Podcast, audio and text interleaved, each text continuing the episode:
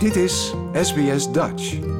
Over een paar weken gaan ze in Nieuw-Zeeland naar de stembus. We zijn al een tijdje bezig met de landen onder de loep nemen en kijken naar hun relatie met Australië.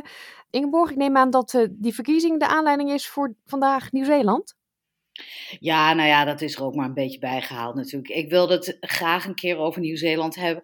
Gedeeltelijk natuurlijk over de relatie tussen Nieuw-Zeeland en Australië. Maar kijk, eigenlijk begon het verhaal van Nieuw-Zeeland natuurlijk met de Nederlanders. Het witte verhaal dan.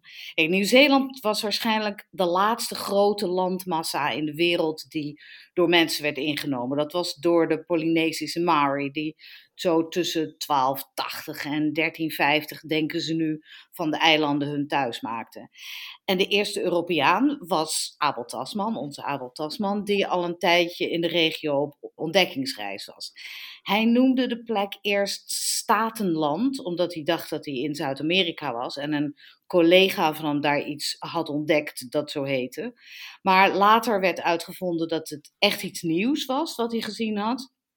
En werd het land door Nederlandse cartografen Nova Zeelandia genoemd. Dat werd vervolgens Nieuw-Zeeland. Hoewel ze het natuurlijk nu vaak Aotearoa noemen of een soort combinatie van de twee.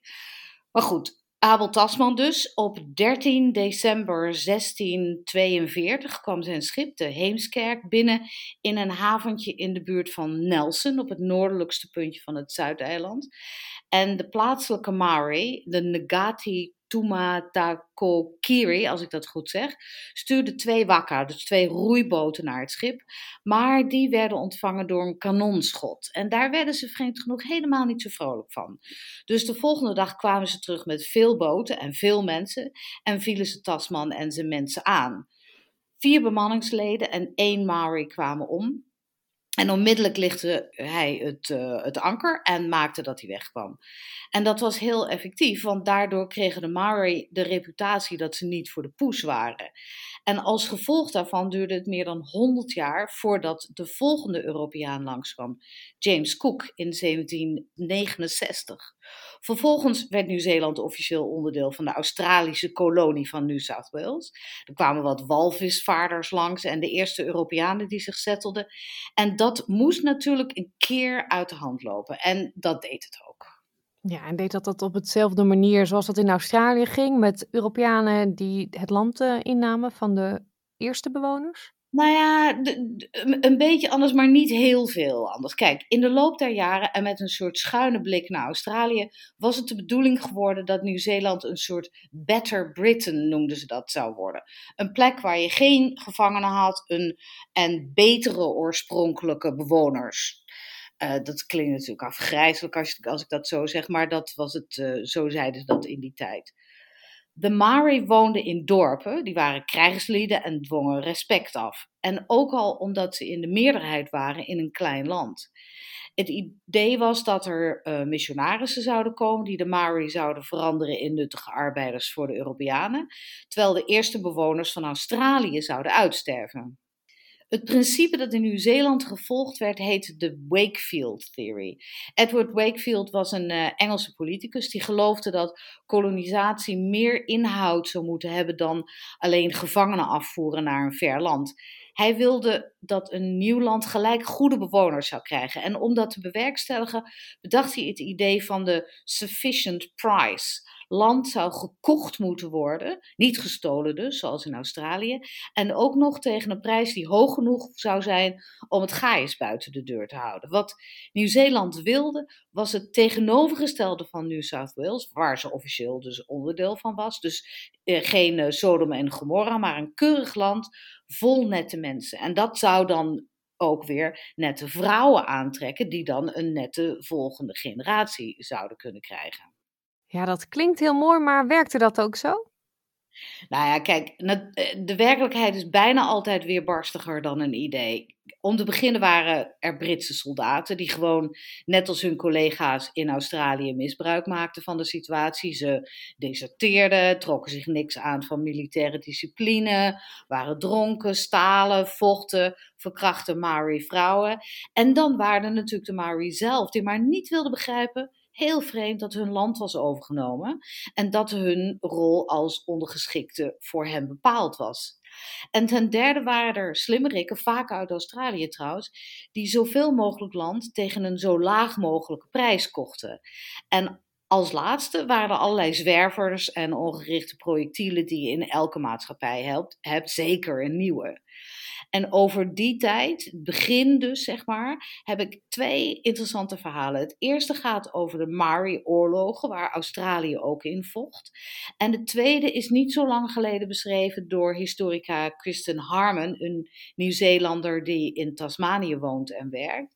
En in een boek dat heet Cleansing the Country beschreef ze hoe de Nieuw-Zeelanders hun eigen gevangenen naar Australië stuurden om daar in het systeem opgenomen te worden. Dat was een verhaal dat ik voordien nog niet kende. Even, eh, dat hoorde ik goed, hè? Nieuw-Zeelanders dus naar Australië. Ja, Dat moet niet gekker worden. Ja, nee, dat is grappig. Want kijk, we weten eigenlijk ontzettend weinig over onszelf. Vind je niet? Dat is, kijk, dit is wat Harmon beschreef. In 1841 werd Nieuw-Zeeland officieel een Britse kolonie. En dus werd er besloten om vanaf het begin af aan goed met die Wakefield Theory te beginnen. Intussen waren er wat mensen opgesloten in de gevangenissen die zo'n frisse start in de weg stonden. En dus tussen 1843 en 1853 ongeveer werden er 110 mannen en één vrouw op de boot naar Tasmanië gezet. Dat heette toen Van Diemensland en was de enige kolonie waarnaar transportatie nog mogelijk was. Er was ook nog niet echt een rechtssysteem in Nieuw-Zeeland. En de eerste rechter die daar aankwam, was daar helemaal niet blij mee. Want hij zag het als een soort afgang om aan de andere kant van de wereld te moeten zitten. Er was ook geen gebouw, dus hij sprak recht in het café of zelfs buiten. En gevangenissen werden door een van de kranten beschreven als hondenkennels. Dus dat was ook niet echt een succes. De eerste man die verscheept werd, uh, was William Pickering, een uh, fraudeur hij was de eerste, maar ook een soort uitzondering. Want hij was goed opgeleid. En na een tijdje in Tasmanië lukte het hem om zichzelf vrij te praten en een boot terug naar Nieuw-Zeeland te nemen.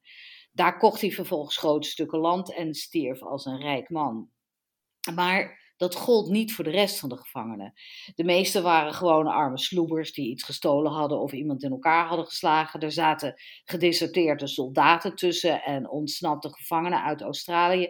Dat soort mensen begrijp je. Ze werden veroordeeld voor uh, rondhangen of weigeren te werken voor een redelijk loon of gewoon omdat ze in de weg liepen.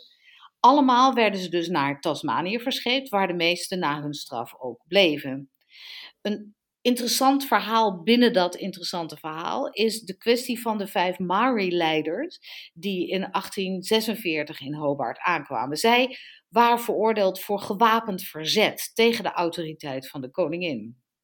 De Nieuw-Zeelanders hadden hen getransporteerd als een voorbeeld voor de anderen. Want de Maori waren nog steeds in opstand tegen kolonisatie en dat viel helemaal niet goed bij de witte mensen. Maar ja, je kon ze toch ook niet bij het gepeupel zetten, dachten de Tasmaniërs. Dus werden de Maori opgesloten op Maria Island, waar ze groenten verbouwden en de Bijbel moesten lezen. Na een jaar of zoiets werden ze terug naar huis gestuurd. En het is heel goed mogelijk dat ze zich daar direct weer in de Maori-oorlogen storten. Ja, dat noemde je net al. Wat, wat zijn dat precies voor oorlogen, de Maori-oorlogen? In de eerste jaren van de 19e eeuw waren er dus allerlei Europeanen in Nieuw-Zeeland aangekomen. En hoewel ze soms goede intenties hadden, waren die niet altijd nagekomen. En er was natuurlijk ook nauwelijks bestuur. In Australië was er een Britse overheid en bureaucratie, maar dat bestond eigenlijk nauwelijks in Nieuw-Zeeland. Dus kwam het al snel tot allerlei schermutselingen tussen de Europeanen en de Maori. Om daar een eind aan te maken werd in 1840 het bedrag van Waitangi getekend, door beide partijen trouwens. De Britten accepteerden dat de Maori eigenaren waren van het land en de Maori accepteerden de soevereiniteit van koningin Victoria over Nieuw-Zeeland. In de praktijk was het de bedoeling dat voortaan iedereen die land wilde dat netjes kocht en dat de Maori het daarmee eens waren. Er was wel een belangrijk verschil in de Engelse en Maori-versies van het verdrag. De Engelse versie had het over Victoria's soevereiniteit. De Maori-versie sprak over haar beheer. En dat is natuurlijk nogal iets anders. Even ging het redelijk goed, maar na een jaar vijf begon het verdrag overal uit elkaar te vallen. De eerste keer dat het echt uit de hand liep was in 1845 bij de Bay of Islands. Veel zakenmensen uit Australië hadden land in Nieuw-Zeeland. Dus toen de Britten een leger bij elkaar raapten om tegen de Maori te vechten, kwam een redelijk grote groep Australiërs helpen. Ze werden onderdeel van het Britse leger, maar het waren dus wel degelijk Australiërs die vochten tegen de Maori. En een van de commandanten was Sir George Grey. Grey was een interessante man trouwens. Hij was geboren in Portugal, waar zijn Engelse soldatenvader aan het vechten was tegen de Fransen en de Spanjaarden. En het verhaal gaat dat het bericht dat Grey senior gesneuveld was, de bevalling voortijdig op gang bracht bij de moeder van George. In ieder geval werd George, de jonge George dus, de dag na de dood van zijn vader geboren. En hij had een spannend leven. Hij was uh, ontdekkingsreiziger in de Pilbara, waar hij strandde met een schip, bijna verdronk en door de plaatselijke Aboriginals een speer in zijn heup geworpen kreeg. En later probeerde hij het nog eens, maar toen mislukte het opnieuw. En moest hij van Calgary naar Perth lopen, toch zo'n kleine 600 kilometer. Uiteindelijk werd hij in 1841 benoemd tot gouverneur van Zuid-Australië. Daar was hij echt heel slecht in. In ieder geval voor de First Nations mensen. En daarnaast was hij voortdurend aan de opium. Maar in 1845 werd besloten dat hij het goed genoeg gedaan had om benoemd te worden tot gouverneur van Nieuw-Zeeland. En daar werd hij de eerste militaire leider in de Maori Wars. Kijk, die oorlogen gingen natuurlijk vooral over land, net als in Australië. En toen er in 1854 een eerste Nieuw-Zeelandse parlement kwam, en daarna nog meer Europeanen, werd het steeds meer een probleem. Eh, zes jaar later, in 1860, escaleerde het met de Taranaki-oorlog, waarin 18.000 Britten en Australiërs dus het opnamen tegen 4.000 Maori. Ja, wat ik dus niet helemaal snap, maar daar heb jij misschien wel een antwoord op, is waarom bemoeiden die Australiërs zich daarmee? Want het was niet hun oorlog. Nee, maar kijk, voor de Australiërs was meevechten in die oorlog heel verleidelijk, want er was ze land beloofd. Als je drie jaar in dienst kwam, mocht je aan het eind 20 hectare land uitzoeken. Voor officieren was dat zelfs 160 hectare. En dat was erg aantrekkelijk natuurlijk, want tegen deze tijd was het in Australië al tamelijk vol geworden. En er waren meer regels die het gewoon stelen van land niet makkelijk meer maakten.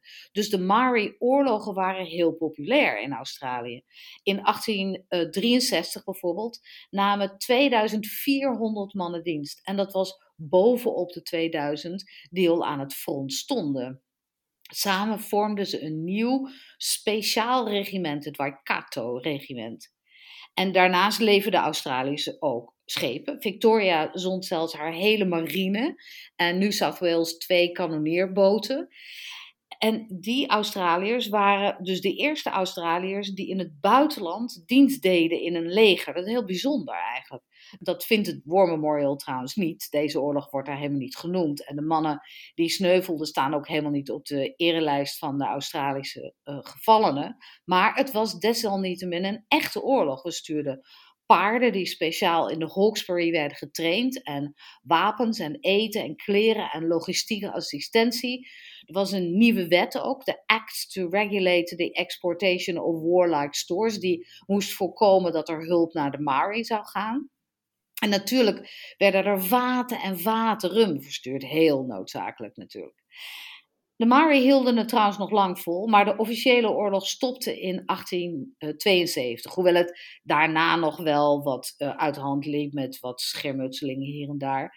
De Australiërs verloren 17 mannen aan het front en een stuk of 100 aan ziekte en ongelukken. En het was natuurlijk nog maar de eerste keer dat we samen met de Nieuw-Zeelanders vochten. Onder de naam ANZAC, dat weten we allemaal, hebben Australiërs en Nieuw-Zeelanders in beide wereldoorlogen in dezelfde loopgraven gelegen. Alleen nu begint het een beetje uiteen te lopen. De Nieuw-Zeelanders zijn al sinds 1987 kernwapenvrij, dus zullen ze weinig te maken hebben met de onderzeeërs die AUKUS nu aan het maken is. En ik vermoed dat ze ook weinig zin hebben om alsnog een onderdeel van Australië te worden. Maar die uitnodiging ligt er nog steeds in de Australische grondwet, waar clausule 6 is het geloof ik, een aanbieding is en blijft. Als je wil, mag je een staat bij ons worden. Ik denk niet dat ze daar deze verkiezingen of welke verkiezing dan ook op in zullen gaan. Maar dat hoeft natuurlijk ook niet, want we zijn zo al verbonden genoeg. Dankjewel Ingeborg. Graag gedaan. Like, deel, geef je reactie. Volg SBS Dutch op Facebook.